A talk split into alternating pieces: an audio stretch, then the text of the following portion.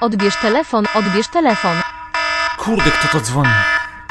Halo, Mizerski Michał, człowiek sukcesu, pole pole afrykańska moda festiwalowa, a aktualnie bardziej dostawca rowerowy Uber Eatsa w Sydney, który leży na drugim końcu świata, więc chyba troszkę będzie kosztować pana lub panią ta rozmowa, słucham. A, tak, tak, tak, tak, dobrze się pan dodzwonił, tylko chwileńka przełączę. Halo, z tej strony Michał Miziarski z 2013 roku, 19-letni autostopowicz, który napisał dziennik podróżniczy. W czym mogę pomóc? Pole Pole Podcast, odcinek siódmy. Polecam serdecznie Joanna Brodzik. W moich pierwszych odcinkach śmiałem się sam z siebie, czytając wspomnienia z moich podróży autostopem jako 19-latek. I ja te wszystkie pamiętniczki zabrałem ze sobą tutaj do Australii i będę po prostu do nich powracać, bo dobrze jest się śmiać z przeszłości.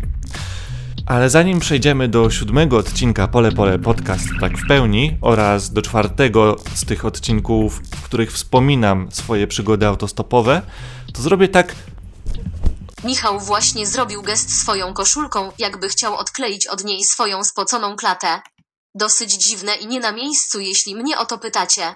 Ale co ja mogę mówić, przecież nie mam swojego zdania. O, o właśnie tak.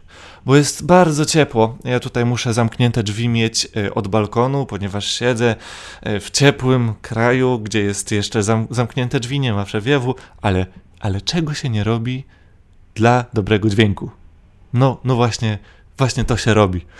Mam nadzieję, że trochę dreszczy doda mi czytanie wspomnień z Rumunii.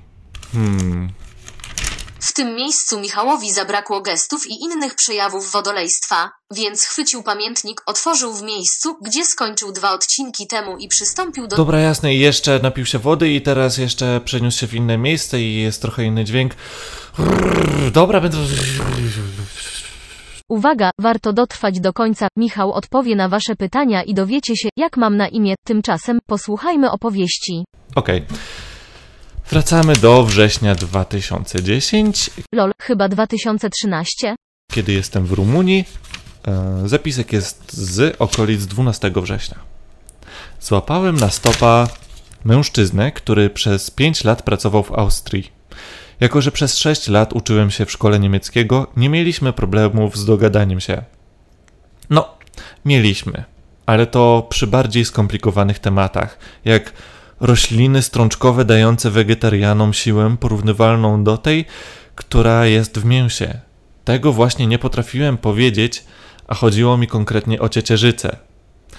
Już był wieczór, więc po drodze pokazywał mi pensjonaty, w których mógłbym spędzić noc. Spytałem go o cenę takiego noclegu i grzecznie podziękowałem. 70 lei, czyli 70 zł, za noc trochę przekroczyłoby mój budżet. Trochę więcej niż trochę, bo na kilkudniowy pobyt w Rumunii wziąłem na zapas 66 lejów. Po drodze zatrzymywał się też przy wszystkich stojących busach i pytał, czy nie jadą w moim kierunku. Ciężko go było przekonać, że interesuje mnie tylko autostop. O zmroku wysiadłem w Negreszti Oaż przed ostatnim dużym miastem przed górami marmarowskimi. Na początku próbowałem trochę łapać stopa, ale jak się bardziej ściemniło, to dałem spokój. Poszedłem porozglądać się za miejscem na nocleg. W tym momencie muszę powiedzieć, że przed wyjazdem w podróż czytałem różne relacje autostopowiczów. Jest grupa na Facebooku Autostopowicze, czyli my, i często przewijał się taki pomysł yy, sprawdzony przez niektórych na to, że można podejść do kogoś, zapukać yy, i zapytać, czy można rozłożyć namiot w ogrodzie. Miałem to gdzieś z tyłu głowy, no i czytam dalej. Stanąłem przed otwartą bramą wjazdową do eleganckiego domu w Negresti Oas, miasteczka położonego w północnej Rumunii. Było po zmroku, padało, a ja tak sam. Widzę, że rozpościerający się przede mną ogród jest zadaszony wijącym się bluszczem. Może bym nie zmógł, gdyby zgodzili się na rozłożenie tutaj mojej norki. Jednak mimo, że drzwi do domu są uchylone i światła się palą, nikt nie odpowiada. Nawet gdy krzyczę. Wracam więc do ulicy i postanowiłem spróbować u sąsiadów. Wchodzę więc na teren i staję przed gospodarzem, który akurat wychodzi ze stajni. Czytam z kartki. Buona sera, sunt autopist. Putem sa punem cortul aici? Czyli dobry wieczór, jestem autostopowiczem, czy mogę tu rozłożyć namiot? Praktycznie tylko tyle miałem na tej kartce. Mężczyzna wydaje się nie rozumieć, więc powtarzam formułkę. I znowu, i znowu. Sytuacja przyciągnęła przed dom babuszkę, pracownika i dziewczynę gospodarza. Mimo wieku, około 60 lat, nie byli małżeństwem. Gospodarz się uśmiecha, prosi, abym wyciągnął długopis i pyta o wiek. Pisze 19. Uuu, mama? Tata? Pyta. W Polsce. Ja im piszę SMS-y, SMS-y i pokazuję, jak piszę SMS-y. I tak zaczynamy rozmawiać. W końcu nawiązuje się kontakt. Później odgrywałem im małą scenkę teatralną przedstawiającą spadający deszcz, przemakalność namiotu i mnie moknącego nocą. Pokazuję też w atlasie moją trasę przejazdu oraz niedalekie góry Maramuresz, w które się udaję. Ja tu na betonie mogę rozłożyć namiot. Rysuję wymiary mojej norki, pół metra szerokości i ponad dwa metry długości. Idealnie by się zmieściła pod dachem. To jednak nie przekonuje gospodarzy. Jak przekonać do siebie obcą rodzinę?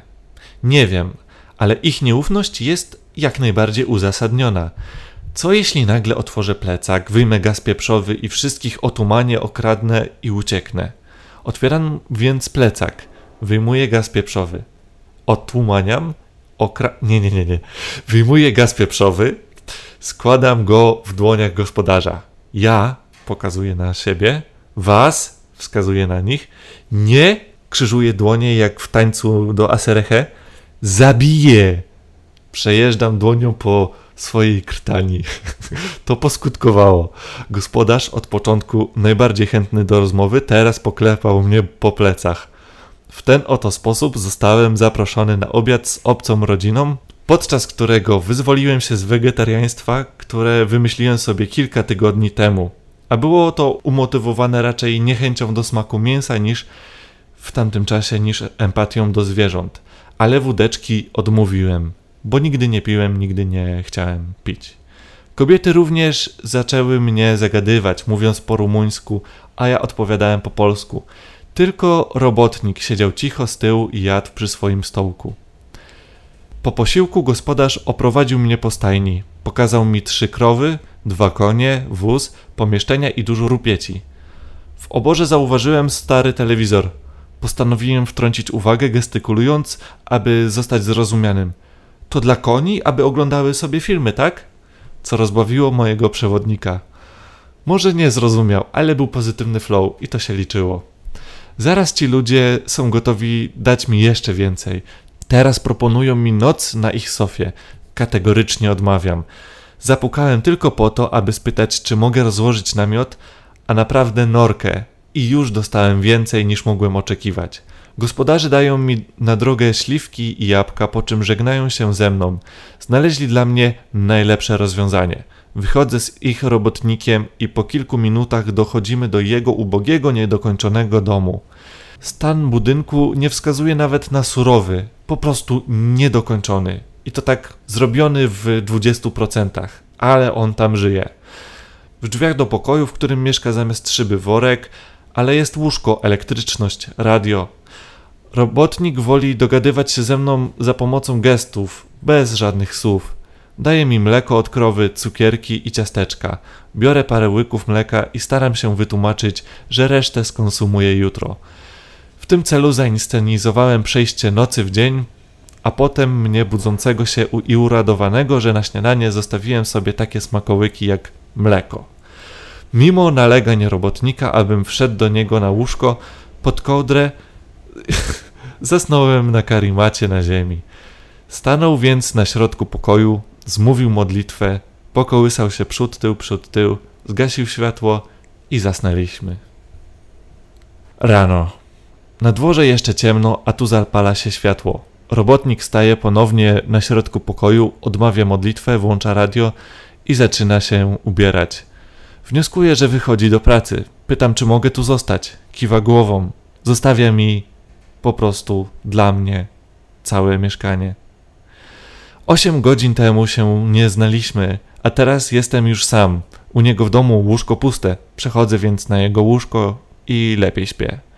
Śni mi się, że szyję czapki, maski dla dzieci w kształcie głów owieczek. To jest, to jest najważniejszy element tego po prostu całego opisu, że szyję czapki, maski dla dzieci w kształcie głów owieczek. A dla mnie byś też uszył, może być nawet we śnie. Okej. Budzę się o ósmej, piszę w pamiętniku przez dwie godziny i idę do sadu nazbierać jabłek. Wystawiam kciuka i jadę dalej na stopa w góry. Te dwie godziny pisania w pamiętniku to był dla mnie bardzo ważny element. Prawie każdego dnia popisać i to dużo, żeby te wszystkie wspomnienia były żywe, gdy sześć lat później, tak jak teraz, otworzę pamiętnik i to przeczytam. Wystarczy jedno zdanie wyciągnięte z kontekstu, ja już będę miał przed oczami mnóstwo wspomnień, które się wiążą z tym jednym momentem, który przeczytałem. To jest, to jest właśnie taka siła słowa pisanego. Gdy raz się coś zapisze, to później obrazy, zapachy, wszystko nagle powraca. Dlatego z głębi serduszka polecam pisanie lub dokumentowanie waszych podróży w jakiś zgodny z wami sposób i to, co tak głęboko przeżywaliście, nie umknie w niepamięć. No i ruszyłem dalej autostopem. Mam tutaj tak napisane. Zacznę standardowo. Stopa łapało się łatwo. Jeśli ktoś nie wysadzi w centrum miasta, wystarczy tylko zapytać kierowcę, w którym kierunku mam iść na wylot i ustawić się za miastem albo na obrzeżach. Mhm. I już następnego dnia piszę. Tak więc wczoraj dojechałem do Pojenille de Submunte. Nie wiem jak to się czyta, więc czytam jak się pisze. Trzema pojazdami, z czego ostatni to była rozklekotana ciężarówka. Po drodze dużo ludzi stało przy drodze, na poboczu, w rowie i tak i sprzedawali grzyby. W Pojenille de Submunte wyciągnąłem swoją mapkę i wskazówki z internetu, jak dotrzeć na szczyt Farcau. No właśnie, będąc w Empiku przed wyjazdem, szukałem jakiegokolwiek celu w Rumunii, który będzie jakimś punktem zaczepienia. Znalazłem góry marmarowskie, jakoś tak się przewijało. Wydrukowałem sobie z internetu jakieś tam wskazówki dojścia, z jakiegoś tam bloga, który dawno nie był aktualizowany i tak na jolo trochę pojechałem. Faktycznie wyjście miało być z wioski Pojenille de Submunte, ale co miało nastąpić dalej, to naprawdę miałem bardzo słabe pojęcie. Nie wiedziałem, czy tam będą jakieś szlaki, czy nie będzie. Wybrałem góry Maramuresz, bo swoją budową przypominają polskie Bieszczady. Są pagórkowate, zielone, malutko na nich skał. W centrum wioski Pojenile de Submunte kierowca rozklekotanej ciężarówki wysadził mnie wczesnym popołudniem. Wyjąłem mapę i wydrukowane wskazówki z internetu, jak dojść na szczyt o nazwie Farcaul. Szybko się zorientowałem, że mapa nie obejmowała terenu, po którym będę się poruszać, a wskazówki są niedokładne, żeby nie powiedzieć bardzo niedokładne. Od razu ruszyłem, jak sądziłem, według wskazówek, ale poruszałem się na południe, zaś góry były na północy, więc coś tu jest nie tak. Hm, ja bym na twoim miejscu wróciła do Empiku. Schowałem więc wskazówki do plecaka i ruszyłem wąską ścieżką na czuja. Patrząc na słońce, określiłem właściwy kierunek. Przeszedłem wzgórze pełne pustych drewnianych chatek i wyszedłem w malutkiej wiosce. Od razu jak się pojawiłem, zatrzymał się przy mnie samochód, wyszedł z niego pan w średnim wieku i zaczął zagadywać. Po chwili wokół nas zebrało się też kilkanaścioro dzieci. Wskazali mi kierunek na Farcaul. Kwadrans po opuszczeniu wioski, idąc drogą, usłyszałem wycie silnika. Nadjeżdżał traktor. No to wyciągam kciuka i łapię. Zatrzymuje się, wskazuje na pakę. Po kilku minutach dołączyło do mnie dwóch towarzyszy. To byli chłopcy w wieku około 8-9 lat. Całą drogę wrzeszczeliśmy do siebie. Dałem im pofotografować moim aparatem, ja też im porobiłem zdjęcia i później jak przeglądałem te zdjęcia, to z około 50 tylko jedno jedyne zdjęcie wyszło nieporuszone. Tak bardzo trzęsło. Ale naprawdę droga była taka, że tylko tym traktorem dało się przejechać, ponieważ gdyby tam jakiś Land Rover chciał przejechać, to on by zarył podwoziem. Tak bardzo duże były te dziury. Gdy się zatrzymaliśmy, kierowca tłumaczył mi po rosyjsku, którego też przecież nie znałem, jak dojść na Farcaul. Prosto, koniec drogi. Prawo, na górze, pole. Tyle zrozumiałem. Nie rozumiem, co ma pole do góry, ale przyjąłem to, co mi powiedział i ruszyłem. Traktor z moimi ziomkami odjechał, a ja chwilę zostałem na rozdrożu, aby pogrzebać w torbie i chwilę później zjeżdża w dół furgonetka, z której ziomki machają do mnie. Okazuje się, że te chłopaczki, które ze mną jechały na traktorze, one, oni sobie chyba tak jeżdżą góra, dół, góra, dół dla zabawy. A może po prostu pojechali po coś i już wracają, nie wiem. Podoba mi się ta wersja, że jeżdżą góra, dół tak dla zabawy. Ruszyłem tak, jak kierowca traktora mi powiedział, prosto, do końca drogi, w prawo, a potem było kolejne rozwidlenie dróg. Poszedłem więc dróżką, o której kierowca nic mi nie mówił. Dróżka jednak zamieniła się w gdzie niegdzie udeptane zarośla, co chwilę rozwidlające się i tak po chwili stwierdziłem, że już nie idę żadną ścieżką i za pół godziny będzie ciemno. A ja jestem w lesie. Dróżka może nie wieść donikąd, ale każda góra ma swój szczyt. Jutro go zdobędę, a dzisiaj prześpię się w lesie. Podejście na to porośnięte lasem wzgórze ma, podejrzewam, średnio około 50% nachylenia. Na szczęście znalazłem dogodne miejsce tuż przy przewróconym pniu, o który, gdy się otuliłem norką, oparłem się bokiem, także nie sturlam się w nocy podczas snu. To było malutkie pasmo, szerokie na jeden metr, na którym mogłem się rozłożyć. Poczułem, że mój zakup używanej norki okazał się skuteczny. Podczas dwugodzinnego podejścia pod górę nie było miejsca na rozbicie nawet małego namiotu. Zbyt duże nachylenie i zbyt mała przestrzeń. Ale norka? W sam raz. Zasnąłem z przekonaniem, że to zbocze jest zbyt strome dla niedźwiedzi, wilków, rysiów, dzików, łosiów itd. Tak Ale na wszelki wypadek pod ręką trzymałem suchary. Ja też trzymam pod ręką suchara. Co ma wspólnego pokój dziecięcy z Bolesławem Chrobrym? I tu dziecko mieszka, i tu dziecko mieszka. Byłem w tym lesie gościem, więc jeśli zjawi się gospodarz, pan Misiu, muszę mu dać obiad. No, gaz pieprzowy też trzymałem pod ręką, ale ponownie okazało się, że nocleg w niestandardowym miejscu jest bezpieczny. Żadne zwierzę nie zapuściło się w te rejony i spałem spokojnie pod ugwieżdżonym niebem. 11 września 2013 rano. Już od godziny idę pod górę przez las bez ścieżki i nagle las się kończy, a za nim rozpościerają się wielkie trawiaste pagórki. Rzeczywiście podobne do Bieszczadów, tylko bez szlaków i turystów. Widzę stado owiec, kilka krów, konia i pasterza, a obok dwie chatki. Gdy podchodziłem pod górę, wypiłem większość wody, którą miałem w butelce. Zbliżając się do chatki, wołam do młodego pasterza: Bune dimieniaca, czyli dzień dobry, przynajmniej tak myślę i pokazuje niemal pustą dwulitrową butelkę, po czym dodaje po polsku: Mogę wody? Ubrany w bluzę dresową i kalosze pasterz zawołał drugiego, starszego, który zaprowadził mnie do kranu, a gdy napełniłem swoją butelkę wodą, zaprosił do środka jednej z dwóch drewnianych chat. I znowu, prosząc o bardzo niedużą przysługę, jestem przez obcych przywitany jak dobry znajomy. Gdy wszedłem, od razu poczułem ciepło, które bije od paleniska. Usiadłem przy stoliku. Trochę mówili po ukraińsku, więc dogadywaliśmy się, ale zanim przystąpiliśmy do rozmów, zostałem poczęstowany dwoma rodzajami serotwarożków. Jeden biały, drugi żółty. Oba trochę różniły się w smaku. Starszy pasterz polecił mi jeść posolone, biorąc na przemian kęsy jednego i drugiego. Pasterze pracują do 15 września, później wracają do swoich rodzin, więc gdybym przybył 5 dni później, to mógłbym przez cały pobyt w górach nie ujrzeć żywej duszy oprócz może owiec, no ale nie, oni zabierają ze sobą te owce, a nie widziałem żadnego turysty w tamtych rejonach. Na drogę dostaję spory zapas serotwarożków, za darmo. Zauważyłem, że pastuszkowie palą jak hutnicy w piecu, w sensie palą papierosy, więc w zamian za gościnę dałem im 11 sztuk papierosów Marlboro, które zabrałem z Polski specjalnie na takie okazje. Myślałem, że to jest dosyć miłe z mojej strony, że poczęstuję ich papierosami, a pasterz tylko pokazał mi, a ja mam takich mnóstwo, my tu już tylko 5 dni będziemy. No nie powiem, że mam nadzieję, że się przyda, ale dałem i ruszyłem dalej pod górę. Nie za bardzo jednak wiedziałem, gdzie chcę iść. Przystanąłem na wzniesieniu i zdecydowałem, że o kierunku mojej dalszej wędrówki zadecyduje szczęśliwy traf.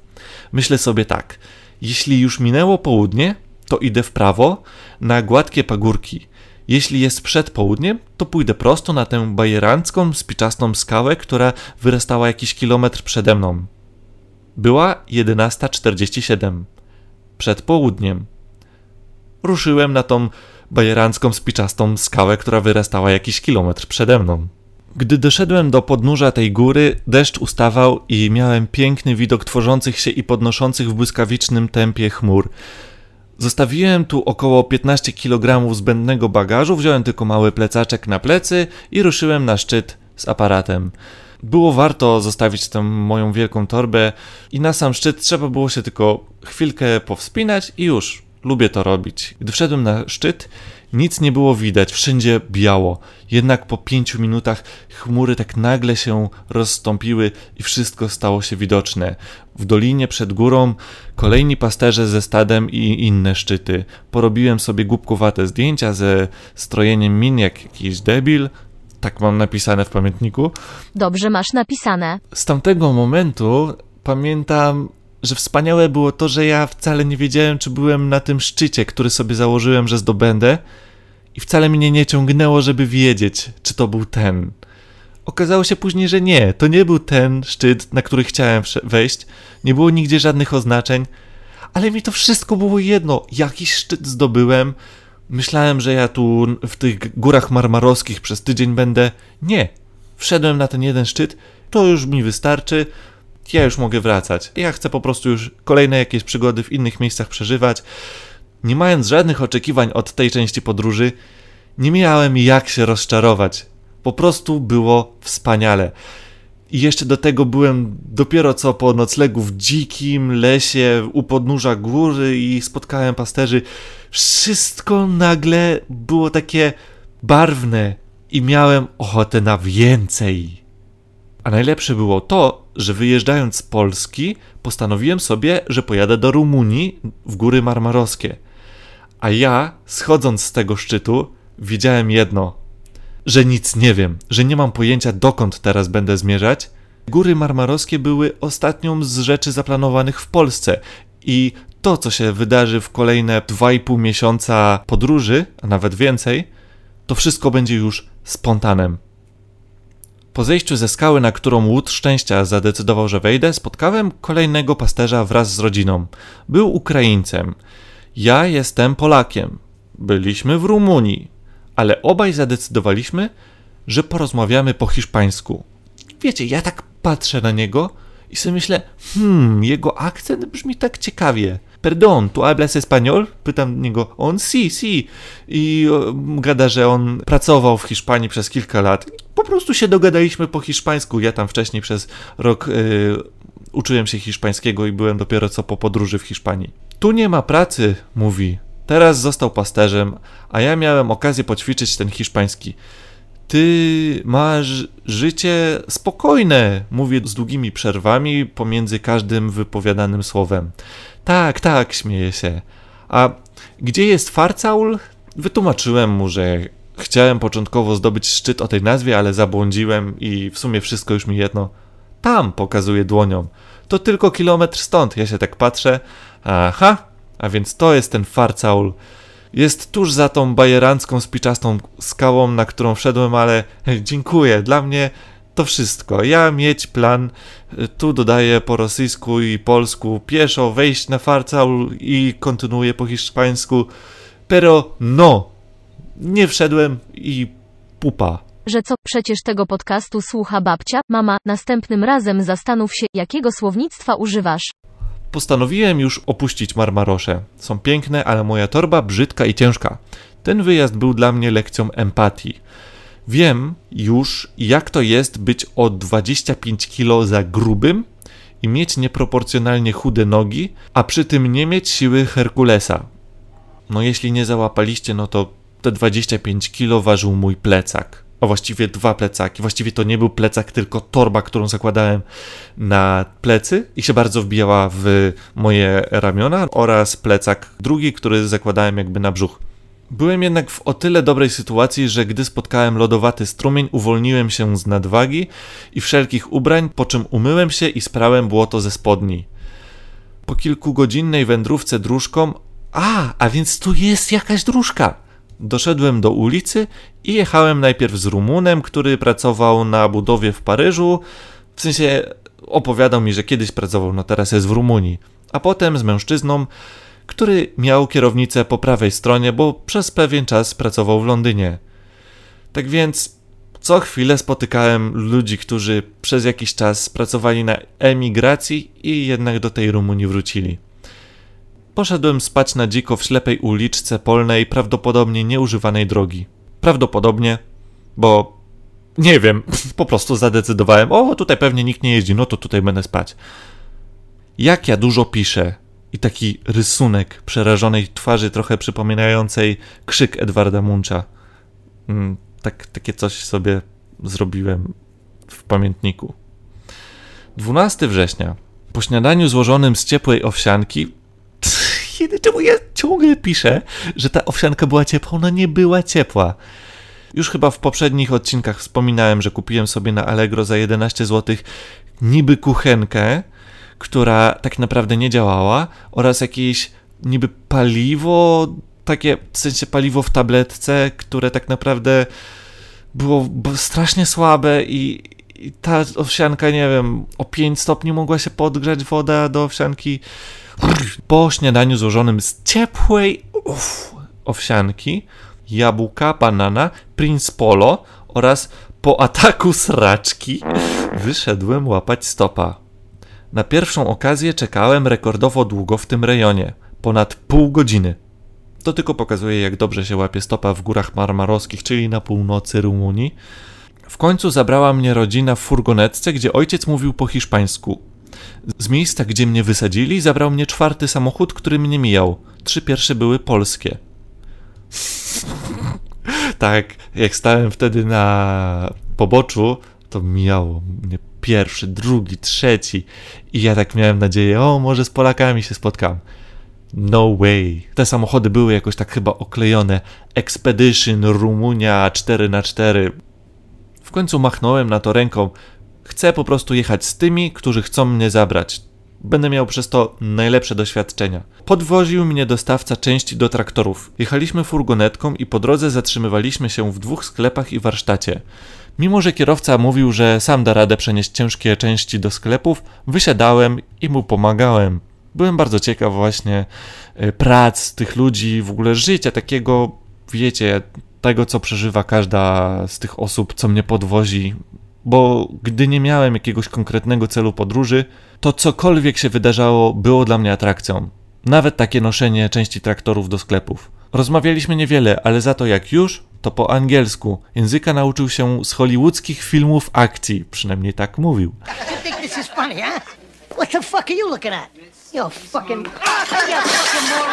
Wysiadłem i dalej dwoma dziesięciokilometrowymi okazjami dojechałem do rumuńsko-polskiej wioski Kaczyka. W 1791 roku powstała tu kopalnia, do pracy w której przybyli Polacy. W mieście jest dom polski, coś jak schronisko dla Polaków, tylko nie w górach. Zapukałem, ale nikogo nie było wewnątrz. Była jednak przypięta kartka z informacją dla turystów po polsku, zawierająca dane, jak dojść do właścicielki, pani Krystyny i jej numer telefonu. Wybrałem opcję, aby pójść do niej, bo w sumie nie chciałem wykupywać u niej noclegów, tylko poznać, porozmawiać po polsku. W ogóle nie czytałem za dużo o tej kaczyce. Po prostu chciałem pojechać na samo hasło Polska wieś w Rumunii. I tyle. I wiedziałem, że to jest jakoś tam niedaleko. Poszedłem do sklepu, zacząłem gadać po polsku, ale panie za bardzo nie rozumiały, ale pokazały palcem, w którą stronę się kierować. Po polsku i rumuńsku jakieś kobiety we wsi mnie również e, kierowały. Najbardziej pomocna była pani Lida.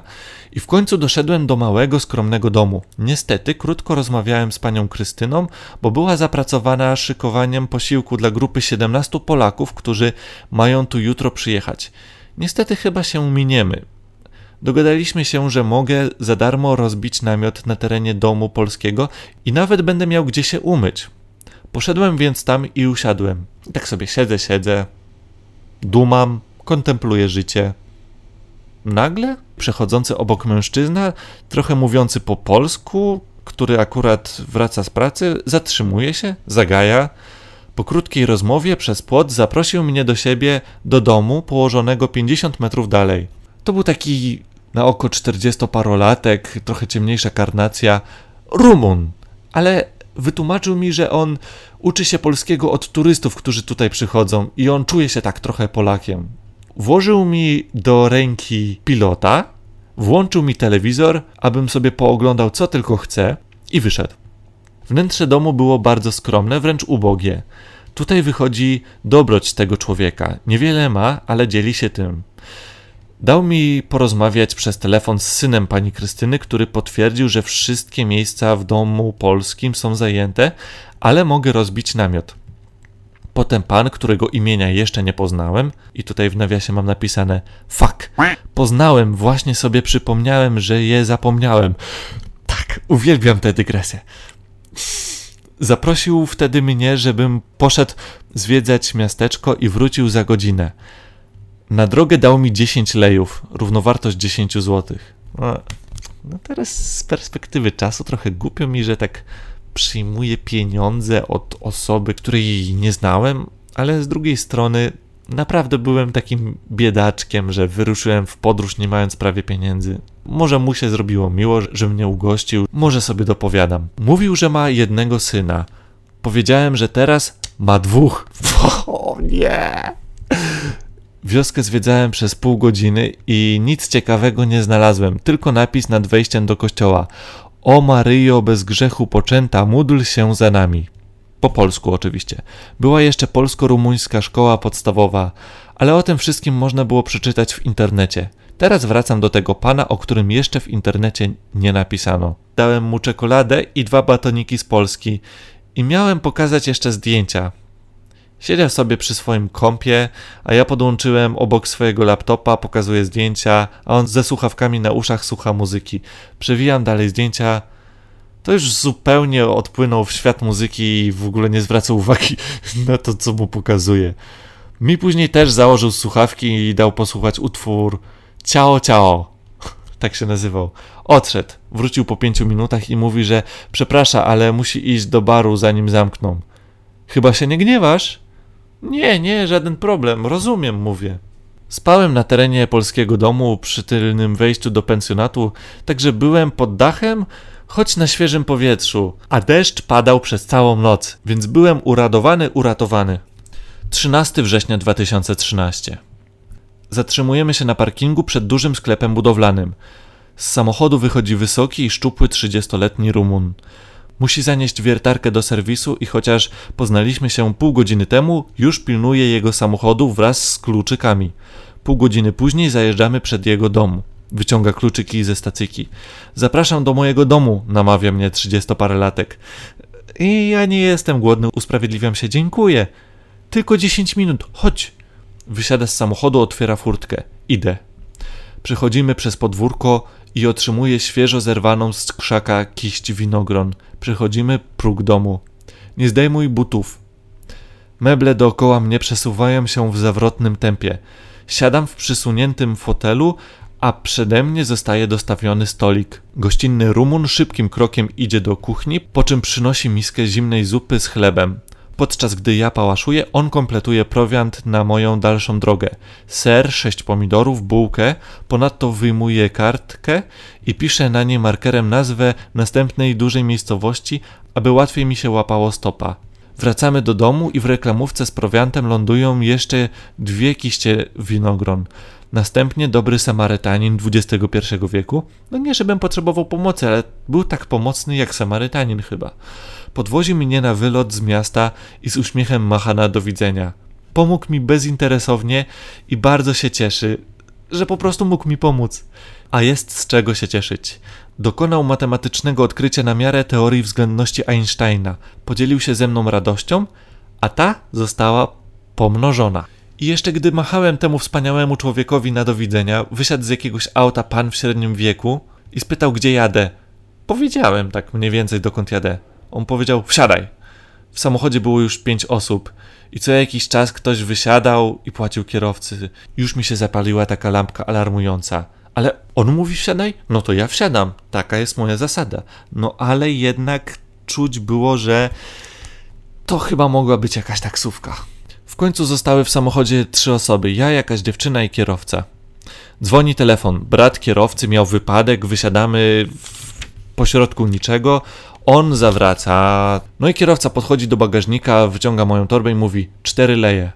A ja mówię: nie mam, zero lej. Trzeba było mówić na początku. On zaczyna podnosić głos. Ja też mówię, no przecież, przecież co? Mówisz wsiadaj, no to wsiadam. No, nie było żadnego ustalenia. Poza tym jakoś pośrodku niczego nas wypieprza. Znaczy, nie no, bardzo miło, że mnie podwiózł, ale nie miło, że taki obrót przybrały sprawy, no. No i kierowca wyjął z bagażnika moją bluzę, cisnął ją na ziemię, mówiąc coś w stylu wy popieprzeni Polacy. Tutaj brakuje trochę relacji, ale Michał złapał kolejne kilka stopów. Postanowił podzielić się z kolejnym kierowcą swoim zamiarem wjechania do Mołdawii. Kierowca na to mówi, że tam jest niebezpiecznie, są sami złodzieje. Michał na to pyta, a był pan kiedyś w Mołdawii? Kierowca pokręcił głową, Michał się uśmiechnął pod nosem. Tego samego dnia Michał już przekroczył granicę, wjeżdżając do nowego kraju. I dojechałem do Kiszyniowa w Mołdawii. Złapałem Wi-Fi w telefonie, odebrałem e-maile. Od, wiecie, ja wtedy nie miałem smartfona, miałem taką Nokię. Dało się przez ten telefon wejść do internetu, więc gdy skończyłem już e, czytać jakieś korespondencje, było już ciemno. Wiedziałem, że jestem w kiepskiej sytuacji. Jestem w centrum stolicy Mołdawii już, bez noclegu i nie znam języka. Szedłem jednak tak pieszo w kierunku wylotu z miasta i po trzech godzinach znalazłem dogodne miejsce na nocleg. Niewykończony budynek przy jednej z ruchliwych ulic. Co prawda, śmierdziało, było strasznie głośno, ale mam dach nad głową oraz gdzie spać. Śniła mi się koleżanka z liceum. Najpierw urodziła dziecko, a potem przyszła do szkoły, z pleców wyrosły jej takie czarne anielskie skrzydła i szła z głową uniesioną wysoko i dumnie, jakby chciała powiedzieć: Patrzcie, mimo że ojciec okazał się skurwielem, sama wychowam to dziecko. A już w następnym odcinku wystąpią gościnnie Karol Werner z Kołem się toczy oraz Piotr Jurkowski z kanału na YouTubie Gdzie Bądź. Udamy się też w podróż do państwa, które nie istnieje, ale ja tam w nim byłem. I co ciekawe, nawet nie wiedziałem, że to państwo nieistniejące istnieje, podczas gdy do niego wjeżdżałem i się bardzo, ale to bardzo zaskoczyłem, widząc dziwną flagę. Jesteście zaintrygowani? Zostańcie ze mną.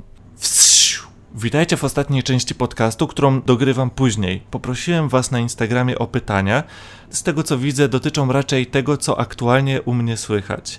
Oto one. Czy jest coś, co cię denerwuje w Australii? Tak, ale to są rzeczy raczej mało związane z Australią. Na przykład długie oczekiwanie na wydanie mi posiłków w restauracjach, gdy pracuję dla Uber Eatsa, bo wtedy, gdyby się ludzie sprężyli, to bym więcej zarobił. No ale to są tylko takie chwilowe fuknięcia z mojej strony.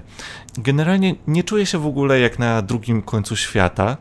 Ludność jest trochę podobna jak w Londynie, no w sensie dużo Chińczyków, dużo Hindusów, dużo białych, no może mniej czarnych, ale generalnie bardzo podobnie. Akcent angielski jest taki neutralny, z tym wyjątkiem, że może mówią ciągle mate, how you doing mate? Pogoda jak w Los Angeles. Naprawdę jeszcze w Australii nie widziałem nic, co by mnie jakoś kulturowo zaskoczyło. No może dlatego, że często bywałem wcześniej w UK, w Ameryce byłem dwa razy.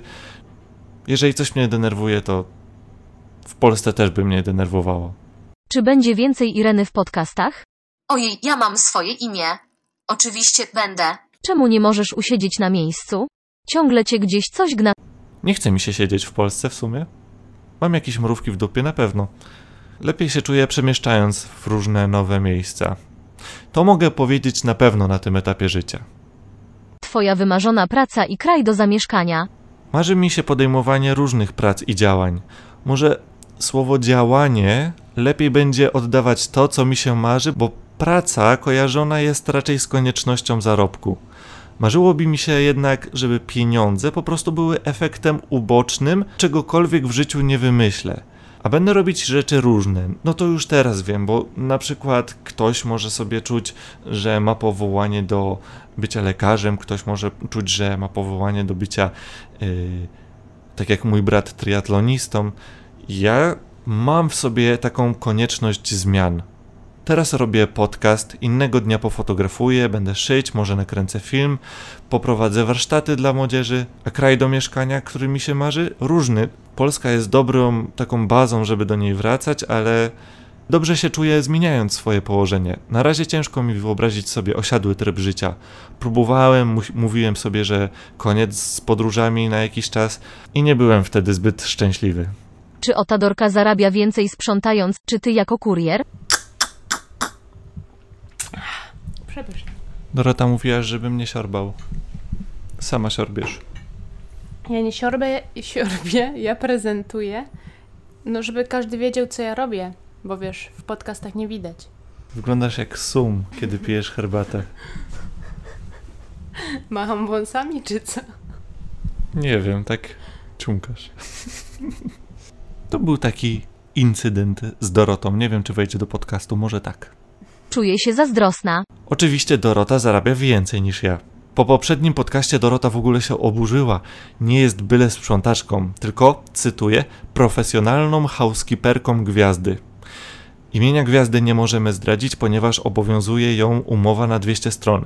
Dorota spędziła tu już prawie 3 lata i przez ten cały czas wypracowywała sobie znajomość i możliwość podjęcia lepiej płatnej pracy, ale wciąż jak na początek ja jestem bardzo zadowolony z moich zarobków. Twój przepis na szczęście Raz podwożąca mnie na stopa kobieta powiedziała mi, że czas. I że mam się nad tym dobrze zastanowić. Posłuchałem jej, siadłem na poboczu, się tak zagłębiłem w myślach i poczułem, że to, co powiedziała, ma głębie. Ale możesz teraz powiedzieć, ale co ona powiedziała? Czas. Zastanów się nad tym dobrze. Może to nie jest przepis na szczęście, ale w nim kryje się szczęście. Czas. Haj Miziarski. Ogólnie dostałem trzy takie pytania od jakichś botów na Instagramie. Hi! Jak się czujesz wracając na rower, aby robić hajs? Nie brakuje ci pracy z wyzwaniami? Wyzwaniami ujęte w cudzysłów przyp i ręka. Czy może chęć rozwoju pole pole przezwycięża wszystko? Tu i teraz jestem szczęśliwy. Wykonuję pracę, którą lubię. Jest bardzo beztrosko, wokół mnie są fajne osoby. No i do tego, gdy mi się bardzo nie chce pracować, to po prostu wyłączam aplikację i wracam do domu bez ciśnień.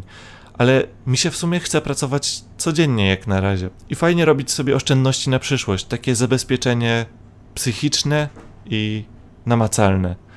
Istnieje też druga teoria, że artysta powinien chodzić głodny i wkurzony, najlepiej, żeby miał jeszcze depresję. To będzie niby służyć jego twórczości. Jeżeli to jednak jest definicja artysty, to ja wolę nim nie być i po prostu wybieram budowanie sobie szczęścia kroczek po kroczku swoją drogą.